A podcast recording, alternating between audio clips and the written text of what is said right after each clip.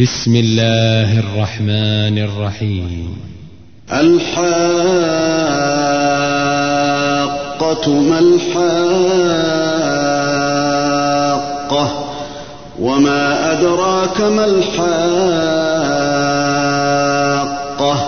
كذبت ثمود وعاد بالقارعة فأما ثمود فأهلكوا بالطاغية.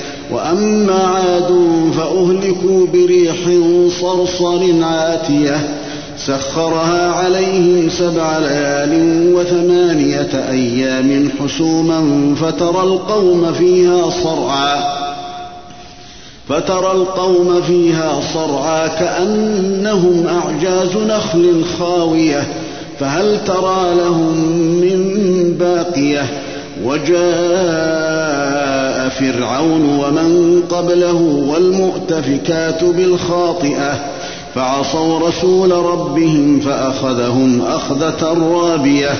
إنا لما طغى الماء حملناكم في الجارية لنجعلها لكم تذكرة وتعيها أذن واعية. فإذا نفخ في الصور نفخة واحدة وحملت الأرض والجبال فدكتا دكة واحدة فيومئذ وقعت الواقعة وانشقت السماء فهي يومئذ واهية والملك على أرجائها ويحمل عرش ربك فوقهم ويحمل عرش ربك فوقهم يومئذ ثمانية يومئذ تعرضون لا تخفى منكم خافية فأما من أوتي كتابه بيمينه فيقول هاؤم اقرءوا كتابيه. إني ظننت أني ملاق حسابيه فهو في عيشة راضية في جنة عالية قطوفها دانية كلوا واشربوا هنيئا بما أسلفتم في الأيام الخالية.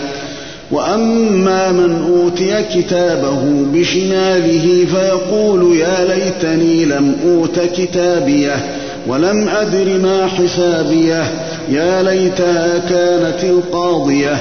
ما أغنى عني ماليه. هلك عني سلطانيه.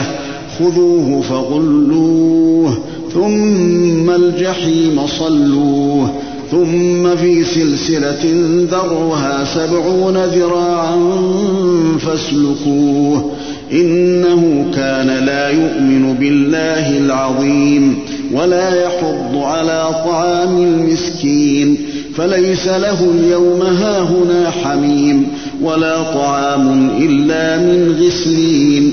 لا يأكله إلا الخاطئون. فلا أقسم بما تبصرون وما لا تبصرون. إنه لقول رسول كريم. وما هو بقول شاعر قليلا ما تؤمنون. ولا بقول كاهن قليلا ما تذكرون. تنزيل من رب العالمين.